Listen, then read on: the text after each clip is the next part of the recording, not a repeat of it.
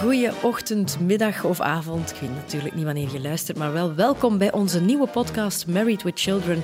Alles wat je moet weten over liefdevolle relaties. Een vat vol regels en tips om ervoor te zorgen dat liefde overwint.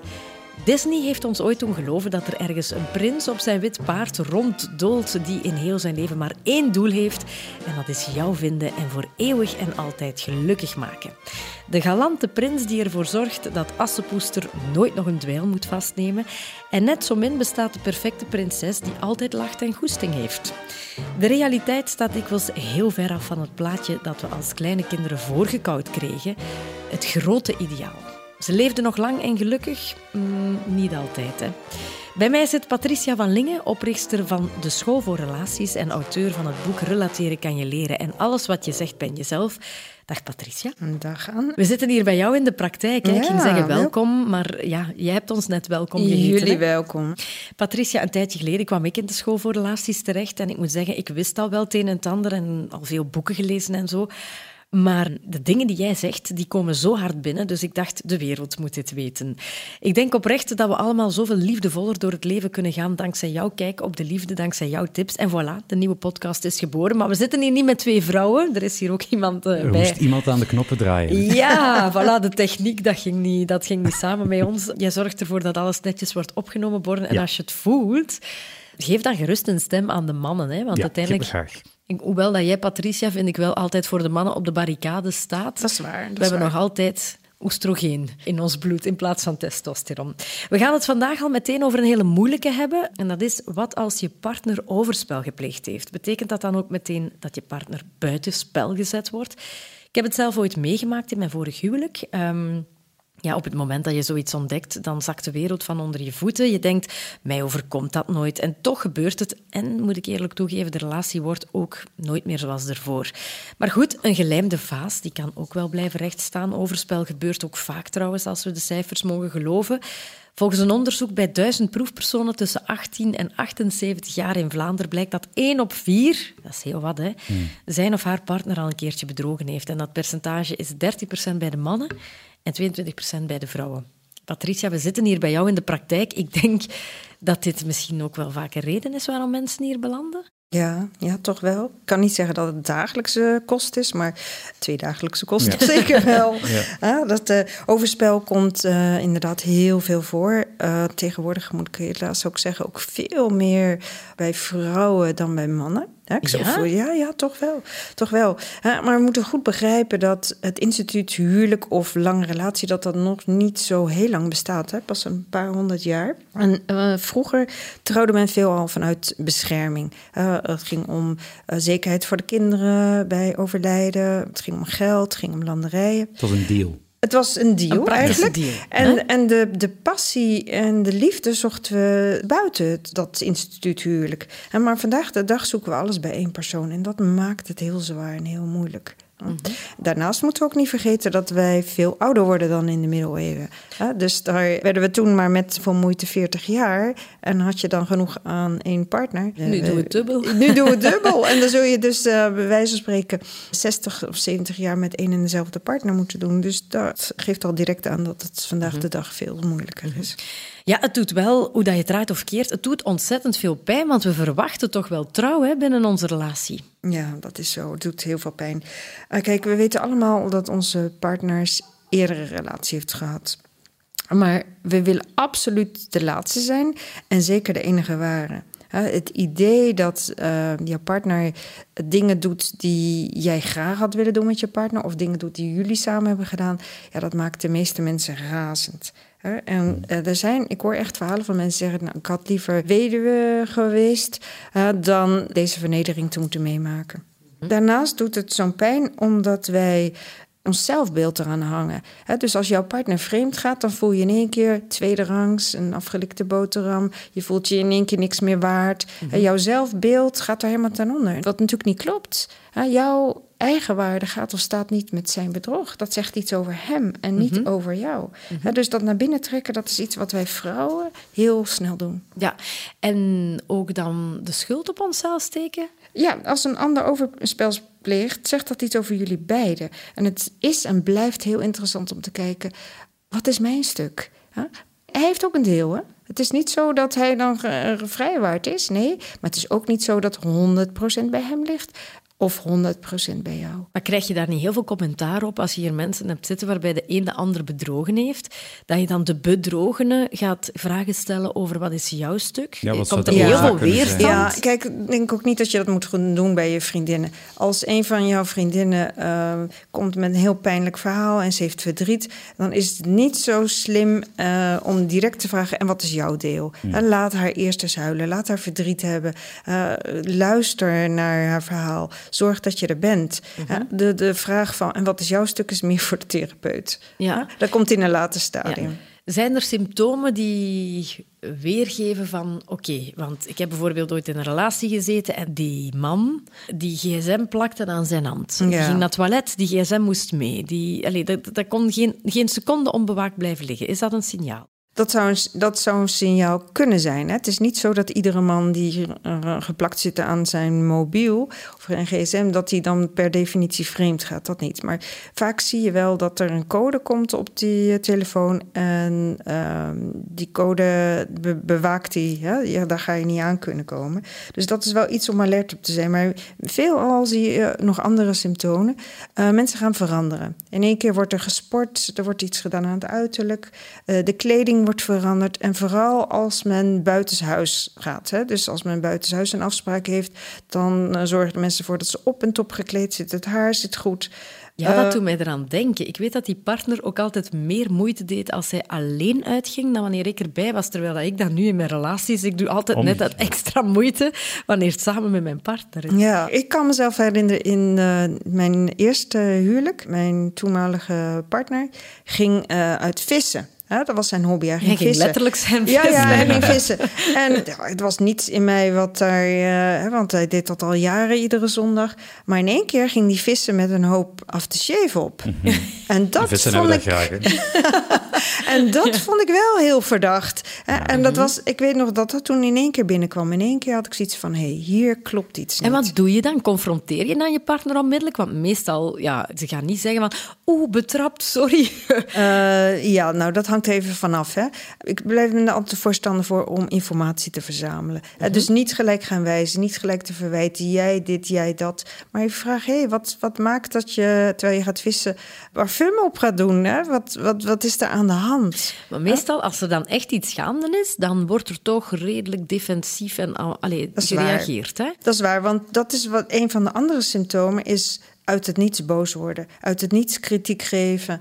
Eh, en dat is daar eigenlijk voor dat je partner zegt: zie je wel, wij hebben het hier eigenlijk helemaal niet goed. Het gaat Is- niet goed ja, tussen je ons. zoekt eigenlijk naar manieren om dat conflict dan te bevestigen. Ja, om te zeggen van wat dat ik iets buitenshuis doe, is een logisch gevolg van Want al die eens, eh, kritiek die wij hebben, die ik krijg, of de, de ruzies die we hebben. Zodat hij ook aan de ander kan zeggen, of hij of zij hè, kan zeggen van ja, het gaat niet goed tussen ons. Oeh, dat is allemaal heel herkenbaar. Ja, ja. Dus plots eh, lichamelijke veranderingen. Dus eh, Ja. mijn moeder bijvoorbeeld destijds, die was ook plots heel erg vermagerd. Ja. Eh, heel veel nieuwe kledij. Sportschool. inderdaad, sport te doen, codes beginnen instellen op de telefoon en dergelijke. En dan niet gewoon confronteren met de vraag, hey, is er iemand anders? Maar informatie inwinnen en, Ja. en En, en ik zou nog even terug willen inpikken op een van de signalen. Wat je ook heel vaak hoort, is dat mensen gaan vragen: hoe laat ben je eigenlijk thuis? Hoe laat ben je thuis? Eh, ja, ja, Dat je is lacht. niet omdat ze enthousiast zitten te om te wachten. controleren. om te controleren, om te weten van ja, van zo laat tot zo laat heb heb- ik ruimte om te telefoneren. Om Ja. te... Ik heb dat ooit meegemaakt op Valentijnsdag, dat eh, mijn toenmalige partner de hele dag zat te vragen wanneer ben je thuis, wanneer ben je thuis. Het was Valentijn, dus ik dacht, oh, die is hier een heel diner aan het bereiden en hij moet weten wanneer dat klaar is.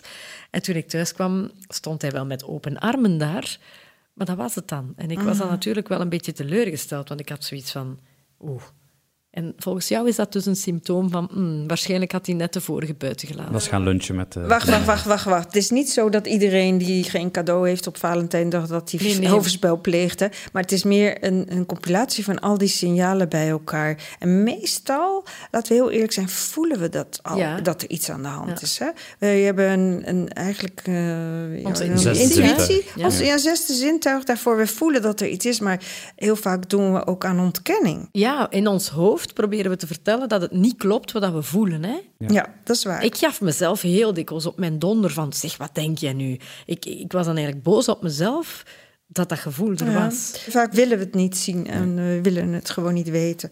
Uh, Een ander signaal is dat als een partner zegt plots van uit het niets, hè, zo van ja, ik heb meer ruimte nodig of ik wil uit elkaar, uh, bedenk dan wel, dan, dan weet je bijna zeker dat er iemand Ja. anders is. Want er gaat niemand met jonge kinderen Nee, uit dat heb elkaar ik gehoord. zonder Dat er een ander zonder dat er is. een ander is of dat hij gevoelens heeft voor een ander.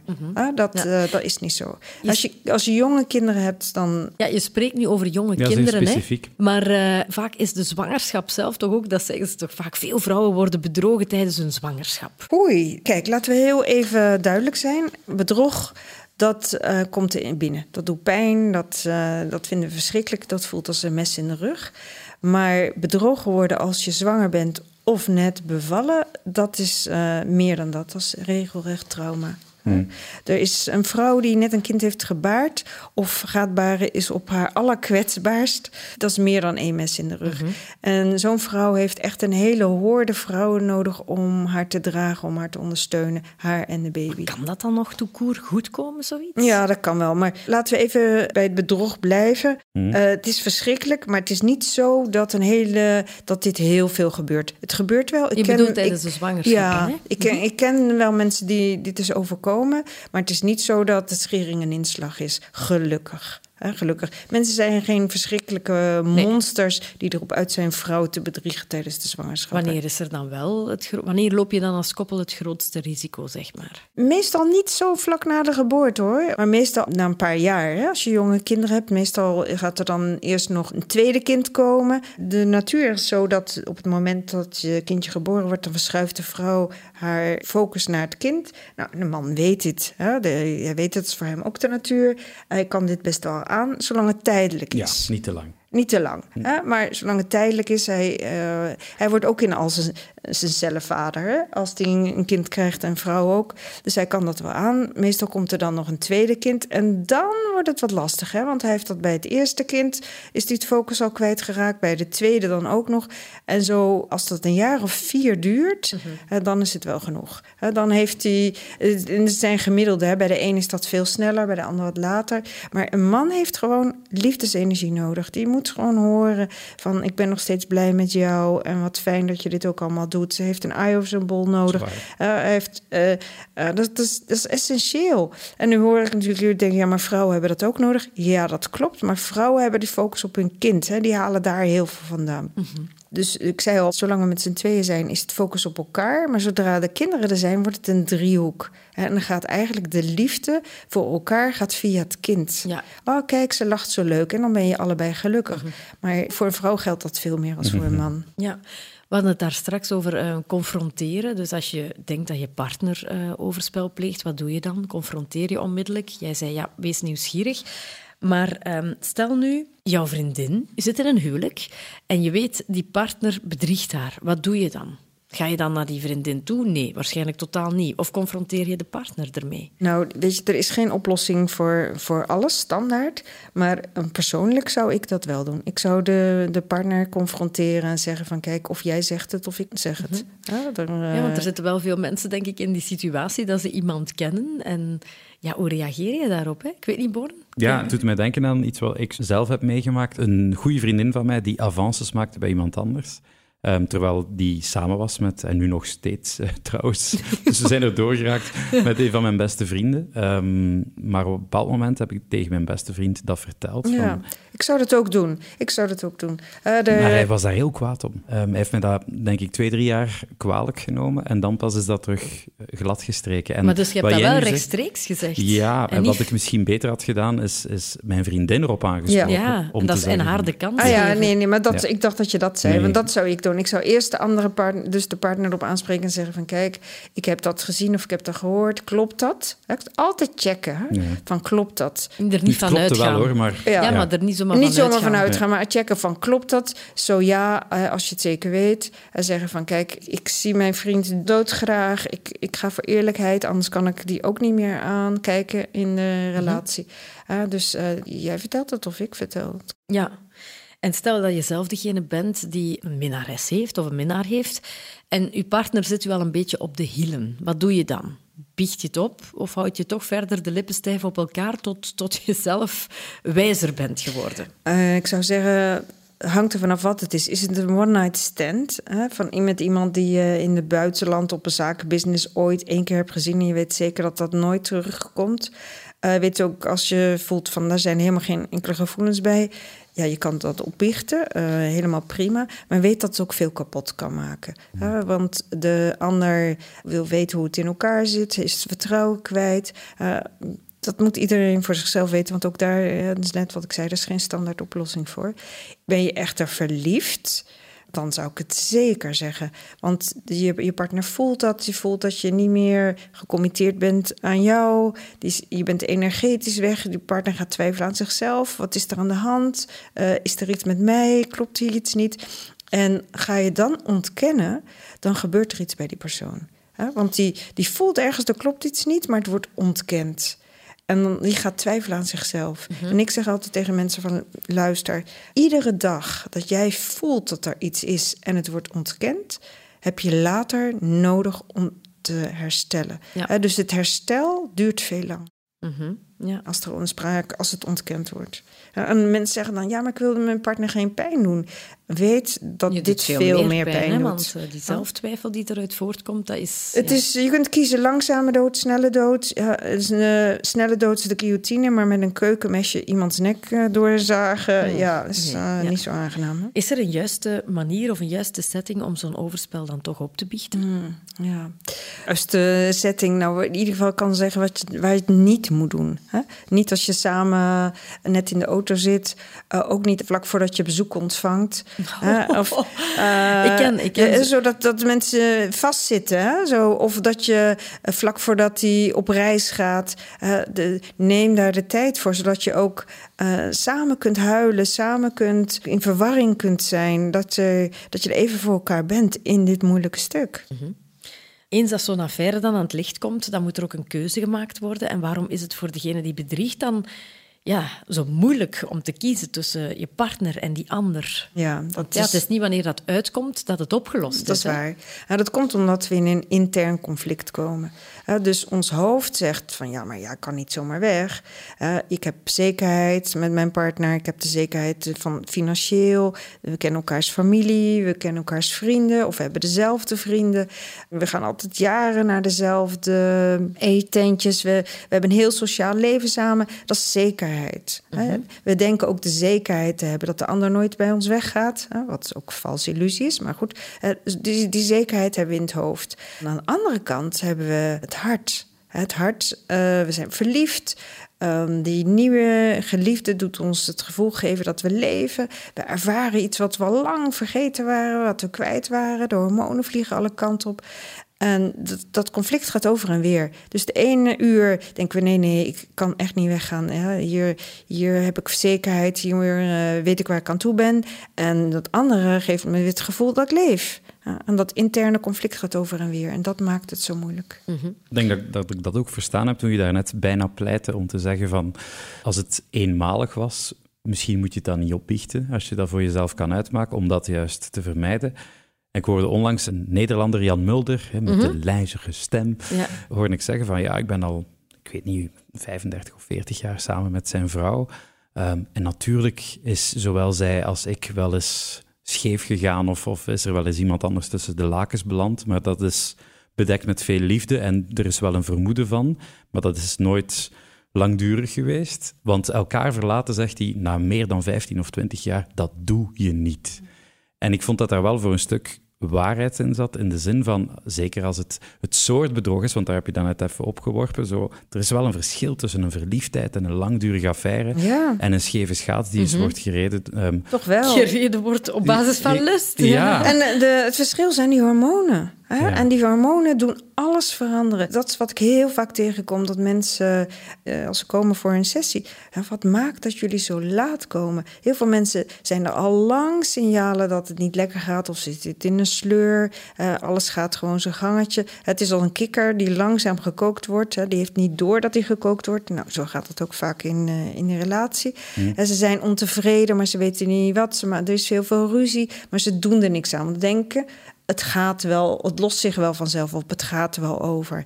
Uh, en dan plots is daar, komt er iemand langs die wel interesse heeft, die de ander doet opleven, die zegt van, goh, maar je bent fantastisch, terwijl je thuis alleen maar kritiek krijgt. Uh, en in één keer komen die hormonen los en dan heb je een probleem, want die hormonen, er zit geen aan- en uitknop aan hormonen. Je hebt altijd gezegd, Born, als mijn vrouw het doet en het is een one-night stand, ik wil het niet weten. Nee, omdat ik denk dat het bij ons veel kapot zou maken. Ik, zou, ik zou inderdaad alle details willen weten. Hoe en waarom en hoe lang. Oei. En- Ja, je eh, wilt dat weten. ja, maar daarom is het beter om het niet om te het niet te weten. weten. Dat, dat Ja. bedoel ik. En omdat ik weet dat, dat zou mij blijven achtervolgen. Ik zou Ja. daar een heel Ja. visuele voorstelling van Ik- hebben. Wel, zo is dat bij mij ook gegaan. Dat ik zeg, van, ik vind dat eigenlijk heel jammer dat die info op mijn bord is gesmeten, Ja. ongevraagd ook. Bij- ja, Want daardoor andere- was er, zelfs al wilde ik het vergeten, ik kon het niet Nee, vergeten. dat is waar. Het is een mental Dat picture. vond ik echt zo jammer. dan, eh, Het is alsof dat je erbij was, want je krijgt zo die details. En dat is... Maar goed, ik ben ook tegen al die details, omdat je het dan eh, op je netvlies eh, krijgt en je gaat er zelf een beeld van maken. En vaak is dat beeld heel anders nog dan de werkelijkheid. Natuurlijk. Ja, maar eh, dat is wel wat mensen doen. Hè. Die willen, zodra ze horen met van het bedrog, wie is het? Ja. Wie is het en waar was het? En dan gaan ze ook die koppeling maken. Ah ja, toen, maar wacht even. Toen eh, lag ik wel, eh, zoals jij zegt, zie- ziek in mijn bed. Hè? Dan worden ze boos. Of ik had het Met zo kinderen, druk. ja. Eh, eh, ik had het zo druk. durf je? Ja, ja, eh, snap je? Dus al die details niet doen. Je hebt er niks aan om te weten dat je partner vier keer geweldige seks heeft gehad in alle standjes die jullie ook eerst deden. Of nee. Maar ja, je hebt dan zo het gevoel van, als ik die dingen weet, kan ik het loslaten. Maar dat is net niet Nee, zo. is andersom. En ik was denk ik ook bang om die persoon tegen het lijf te lopen zonder het te weten. Dus dat, dat die persoon het zou weten en ik niet. En, Ja, ja. en ah, dat zou ik zo vernederend Mm. vinden. Want wat had je dan gedaan als je die persoon tegen het lijf loopt, dacht je? Ja, nee, niet natuurlijk. Maar ik had ook niet graag dat die persoon zou denken, amai, mocht die weten? Ja, ja. En dat ik daar dan inderdaad naïef en onwetend zou zijn. Mm. Als enige. Nou, ik denk dat het goed is om te realiseren.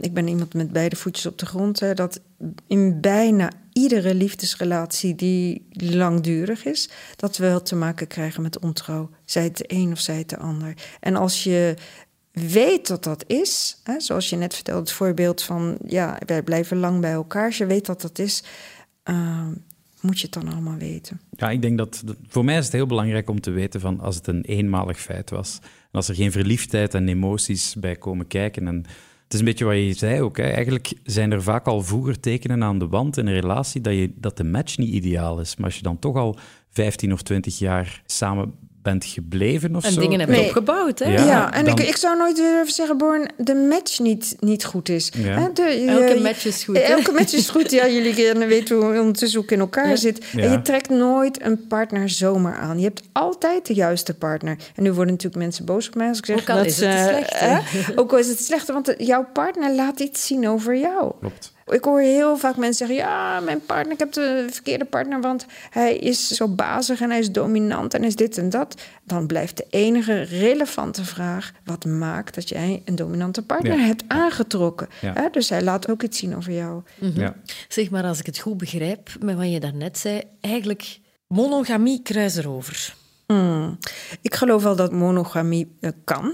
Hè, maar we moeten heel goed realiseren dat relateren niet zomaar iets is. Hè, dat dat iets is wat bloed, zweet en tranen kost. Eigenlijk is het een, een weg hè, waarbij je jezelf tegenkomt, waarbij je kunt groeien, waarbij je in de diepte kunt gaan. Voor mij, ik vind relateren fantastisch, want het laat me iedere dag, geeft het mij een spiegeling over mezelf.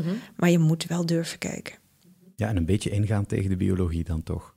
Voor een stuk. Een beetje vechten met die Ja, hormonen wel, ja, hè, denk dat ik. bedoel ik, ja. We hadden het daar straks over, de risicoperiode. Dat was dan eerder bij mannen. Hè. Als vrouwen net bevallen zijn, eh, dan voorziet de natuur dat de focus naar het kind gaat. En als die dan te lang bij het kind blijft en niet tijdig terug naar de man verlegd wordt, dan, Zoekt hij het elders. dan durft hij het misschien wel elders zoeken. Als het kindje zo vier, vijf jaar is.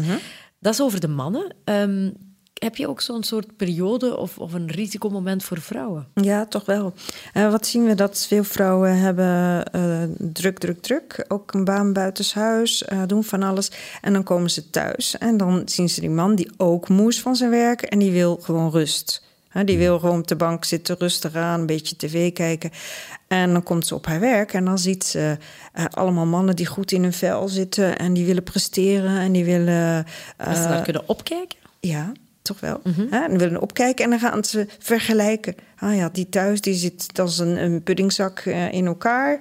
of die, die is moe.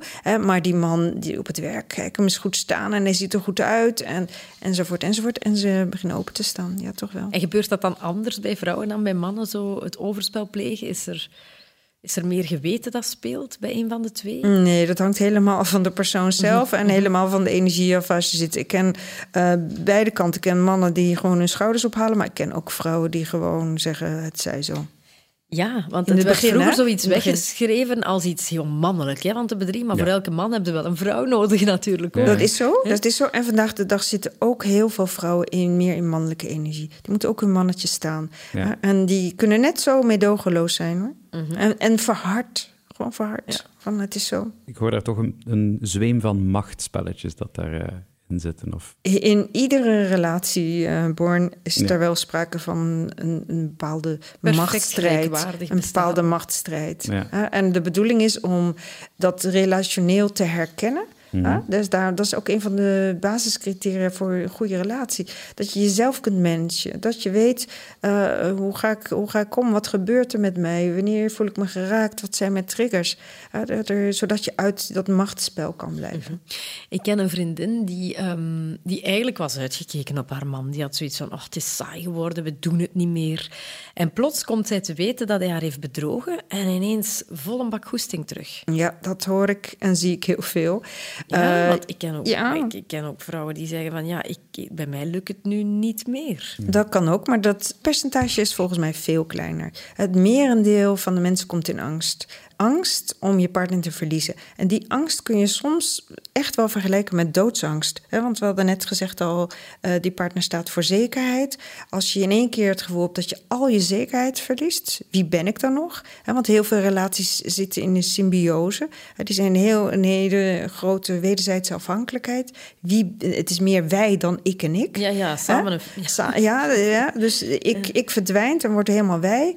Maar sommigen hebben dan ook zoiets van... ja, maar wie ben ik dan nog zonder die ander? Het is comfortzone geworden. Ook al is het nog zo saai... of is het helemaal niet meer wat je ervan hebt verwacht. En dan wordt het terug een stuk onbereikbaar. En dan in één keer eh, wordt die ander onbereikbaar... en dan gaan heel veel vrouwen eh, voornamelijk gaan hun lichaam inzetten.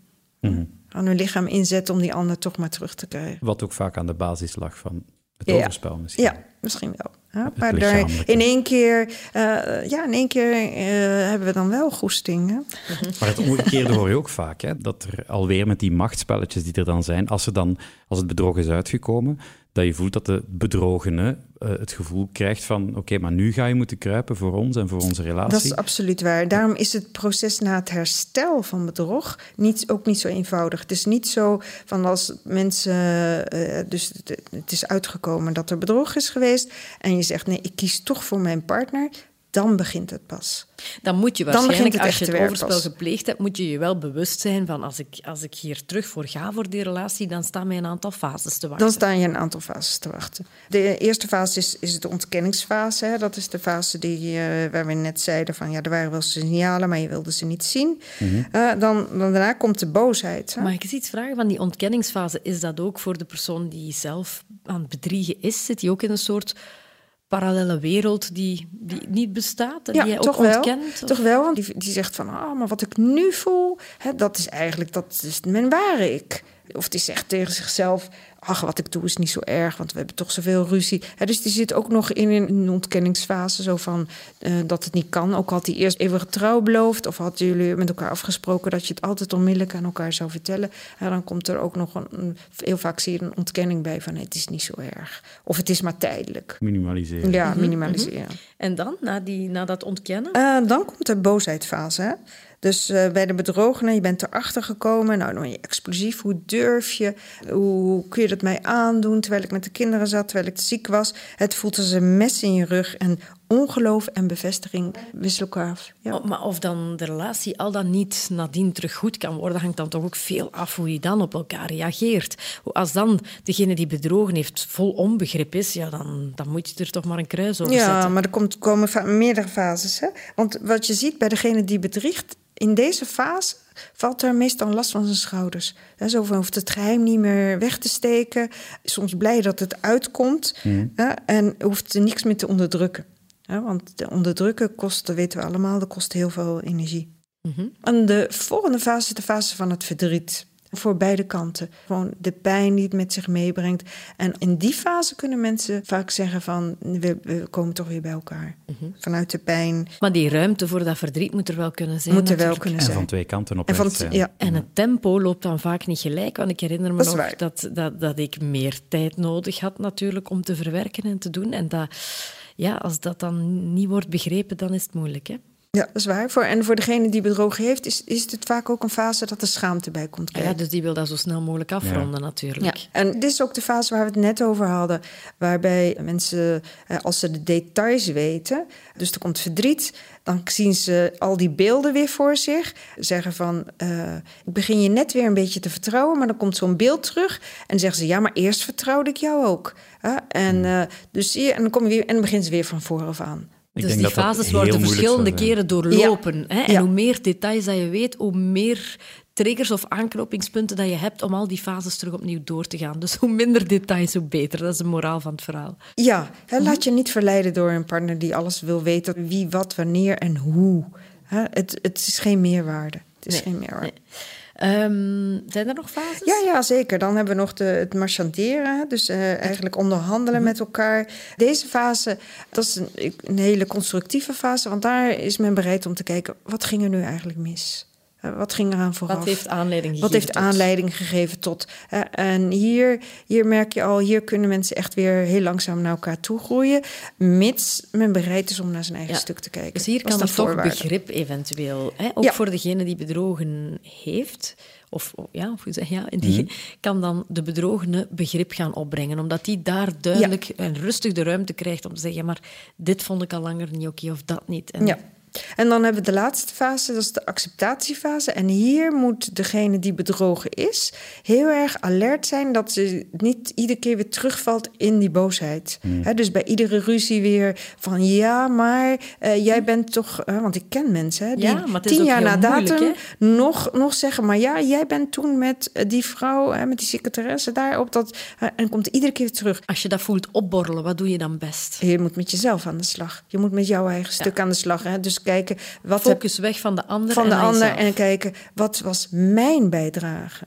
Want dat is het enige wat je allebei kunt doen. Wat is mijn bijdrage? Zowel van, van degene die vreemd gaat als voor de bedrogene. Ja, dus geen negatieve energie laten wegvloeien door te blijven focussen op wat toen gebeurd is, maar het ombuigen naar iets positiefs. En wat sowieso een valkuil is, in relaties is geen oude koeien uit de sloot halen. Als je hebt besloten verder te gaan, dan zul je moeten werken aan het hele proces van acceptatie. En als het geaccepteerd is en vergiffenis is gekomen, dan kun je er eigenlijk niet meer op Zand terugkomen. erover. Dan kun je er niet meer op terugkomen. Maar Ja. ik zei het al. Ja, ik weet, dat, ik- dat is een heel we hebben, proces. We hebben het daar al dikwijls onderling over gehad. Klopt, hè. Born, van ja, hè, stel, ik zou stel. het niet kunnen. Ik, ik, ik vind zelfs het ook- al wil je, je kan het niet. Hè? Nou, en ik vind het ook heel moeilijk om, om oprecht te geloven van koppels die zeggen: Ja, maar we zijn er sterker uitgekomen. En als ik jou het zo hoor vertellen, als je inderdaad samen al die fases kan doorlopen, dan, dan moet dat misschien wel mogelijk zijn om ergens elkaar terug te vinden en, en te voelen van. Hey, misschien is die band nog beter en hechter dan ooit tevoren. Maar er moeten zoveel wijzertjes in dezelfde richting Ja. dan staan. Ja, maar stel nu, Born, dat dat bij u... Stel dat er iets zou uitkomen. Hè? Jouw Ja. vrouw wordt verliefd op een andere man. Dan mocht je nog alles zeggen. Je- er- zijn ook nog kinderen. Er is het huis dat je samen deelt. Dat doe je natuurlijk wel verder kijken dan die, dan die Had affaire. maar, Hè? had zij maar bij moeten stilstaan. Hè? Nee, maar... Oeh. Nee, nee, nee. Ja, maar dat is mijn reactie. Snap Ja, maar dat snap ik. Ja. Maar, ik maar snap dat is het, maar- nu. Wat Dat, zet zij op het spel? Ja, maar Dat dan is- begin je later na te denken. Al de pijn, al de gevolgen ervan, Ja. die, die uiteraard in uw oogpunt, die zij heeft op gang gebracht. Mm. Maar uiteindelijk, ja, je draagt ze wel samen, hè? ja. Kijk, ik snap dat je er nu zo over denkt, hè, zo- terwijl je nog niet overkomen is. Geloof me, zodra het je overkomt, krijgt dat wel een marge. Dat zal Hè, wel. En denk Ja, je dat is meer waar. ruimte. Ik had ook altijd gezegd van, als dat gebeurt, valies Ja. aan de deur. En dan gebeurt dat. Ja, en dan, en dan wordt heb je het helemaal geen moed of energie Nee. of wat dan ook om die valies aan de deur te zetten. Dan hebben ze zoiets, ik wil niet kwijt wat we hebben. Ik denk ook dat ik niet alleen constant op zoek zou gaan naar een verklaring ehm, en, en, en details, maar dat ik mijzelf ook altijd zou vergelijken met de persoon waarmee ze mij bedrogen zou hebben. Maar dan is Wa- het Dan dus is het eigen te veel Ja, sprake, ja. en te veel sprake van symbiose. Hè, je partner is geen bezit. Die is vrij om te vrijen met wie ze wil. Alleen jij kunt afspreken van, kijk, wij, We gaan dat hè, niet we doen. gaan dat niet doen, liever niet. Dat Hè, hebben we gedaan. Hè? Ja, maar, maar snap je? Dus daar, eh, niemand wil leven in een gevangenis. Hè, je wil altijd het gevoel hebben dat je vrij bent. Ook niet als het een gouden kooi is. Eh, nee, joh, zelfs dan niet. Ja, dus de erkenning is heel belangrijk. En ze- zegt van, ik zou altijd willen weten waar, het waarom. Hè? Wat, wat, Ja. wat is er dan mis? Stel die vraag aan jezelf. Hè? Stel die vraag aan jezelf. Wat heb ik nagelaten waardoor dit heeft Dat is het kunnen enige gebeuren? stuk dat je in de hand Ja. hebt, hè? Ja, De andere niet, hè? ja. En je je partner alsmaar inwrijven en die oude koeien uit de sloot blijven halen, dan leef je in het verleden. En de bedoeling is, Born, dat je nu leeft. Dus als ik het goed begrijp, heeft het eigenlijk ook heel weinig zin om met jouw partner hierover te spreken voordat dat gebeurd is. Van hoe zouden we ermee omgaan dat? Want uiteindelijk weet je toch nooit hoe je op dat moment gaat reageren. Maar ik vind de deal dat mijn vrouw en ik hebben toch wel gezond. Ja, ik vind dat ook. Zo En- van, en de- als je het want één ik keer zou doet, wil ik het niet zeggen, weten. Eh, en, en dat niet alleen. Ik denk dat het in iedere relatie heel belangrijk is dat je hele goede afspraken maakt. En daar gaat het vaak mis. Hè. Wanneer starten we een relatie? Als we verliefd zijn. Ja. En dan vallen wij in de valkuil dat we denken dat alles vanzelf gaat. Hè, Dat, eh, het gaat allemaal vanzelf. Maar dat is alleen door Ja, dan die moet er niet hormonen. voor werken, je? moet er niks voor doen. Dus, maar we- relateren betekent hele duidelijke afspraken maken. Als je ergens gaat werken, dan heb je een contract. Hè? Dan weet je wat er van je verwacht wordt. Je weet waar je, wat je moet doen en wat je vooral ook niet moet doen. Maar in een, in een relatie, in een huwelijk, gaan we daaraan voorbij. Terwijl diezelfde afspraken moeten er zijn. Er Ja. moet een kader zijn. Je Ja. moet weten binnen welk kader. Wat zijn onze eh, grenzen binnen welk kader zijn we vrij? Ja. Mhm. ja.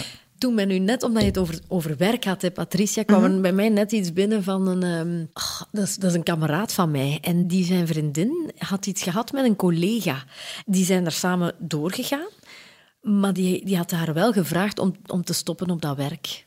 Wetende van, je gaat elke keer terug opnieuw naar die plaats waar die persoon rondloopt. Die kon dat niet plaatsen. Ja. Die- dat kon alleen maar... Dus kan je dat begrijpen? Nou, ik kan het niet alleen begrijpen. Dat is ook altijd wat ik voorstel. Als mensen zeggen, nee, wij willen toch door... dan zal je echt moeten breken met die ander. Ja, anders is, is dat... Je kunt niet en-en hebben in Nee. dat geval. Nee, Dat, oké. dat gaat niet. Ja. Het komt niet altijd goed hè, na overspel. Ehm, soms is het ook zo dat er overspel is geweest of gepleegd is zonder dat het uit is gekomen, maar leidt het alsnog in, de, in het huwelijk tot een breuk, tot een scheiding. En dan is het vaak ook eentje die beslist en de ander die de beslissing moet aanvaarden, die dan zo'n beetje achterblijft met heel veel vraagtekens van ja, maar wat, hoe, een beetje uit de lucht komt vallen. Is het dan na een tijd wenselijk om toch een heel open gesprek nog te hebben, ook al ben je gescheiden, ehm, en in het reinen te komen met elkaar? Hmm, hele goede vraag. Eh, ja, ik zou zeggen van wel. Het is altijd goed om een feedbackgesprek te hebben. Ja, je, wilt, eh, je wilt weten, eh, en of dat nou in een liefdesrelatie is of in een vriendschappelijke relatie die stopt, of wat voor relatie dan ook, van wat ging er nou eigenlijk mis? Ja, we hebben het dus over overspel en ook of het nou wel of niet uitkomt. Overspel is niet de oorzaak, overspel is een symptoom. Een symptoom dat er iets mis was, een symptoom dat dat ergens anders uit balans was. En het is fijn om te weten van, kijk, eh, misschien heb ik iets iets bij mezelf over het hoofd gezien. Mhm. Ik was in mijn eh, vorige relatie een ongelofelijke zaag. En ik wist dat ook wel van mezelf hoor, dat ik een zaag was. Maar veel mensen zeggen van ja, maar ik, als ik niet zaag, of niet zeg, gebeurt er niks. Maar als jij meer dan twee, drie keer iets zegt, dan, dan, dan wordt het een, bijna een ijs. Dus de, het is goed. Ik vind het sowieso altijd goed. Niet alleen op je werk, maar in, in iedere relatie. Ook om feedback te vragen en om feedback te krijgen. Zonder dat je dat dan weer naar binnen trekt en jezelf tot slachtoffer bombardeert. Eh, en is het dan alsnog de moment om overspel eventueel toch op te biechten? Want vaak speelt er al een hele lange tijd een intuïtie bij iemand, waardoor dat hij enorm aan zichzelf twijfelt. Maar als dat altijd ontkend wordt Mhm. en altijd gedaan wordt, dan moet dat toch enorm bevrijdend zijn. Als je dan die verlossende antwoorden krijgt, dat je tenminste weet van, oké, nu valt de puzzel in elkaar. Ja, voor veel mensen geldt dat inderdaad. Hè, zo van, van nu valt de puzzel in elkaar, mijn eigen gevoel klopt. Eh, wat je dan wel vaak ziet, is dat mensen heel veel verdriet krijgen dat ze niet naar hun eigen gevoel hebben geluisterd. Maar dat kan ook weer een aanzet zijn om met zichzelf aan de slag te gaan en zeggen van nee, vanaf nu luister ik heel goed naar mezelf en stel ik me, zet ik mezelf op de eerste plaats. Ik heb hier ook al veel over valkuilen gehoord, dus relatievalkuilen die aanleiding kunnen geven tot dat overspel. Maar ik denk dat we dat dan eens gaan houden voor een volgende podcast. Dat is fantastisch. Oké. Dankjewel Patricia voor uh, jouw uh, goede tips. Graag Jouw heldere kijk op alles. Ja, bedankt om te luisteren en hopelijk heb je er iets aan gehad. Heel graag tot een volgende Married with Children. Love and marriage, love and marriage go together like a horse and carriage. Dad was told by mother, you can't have one, you can't have none, you can't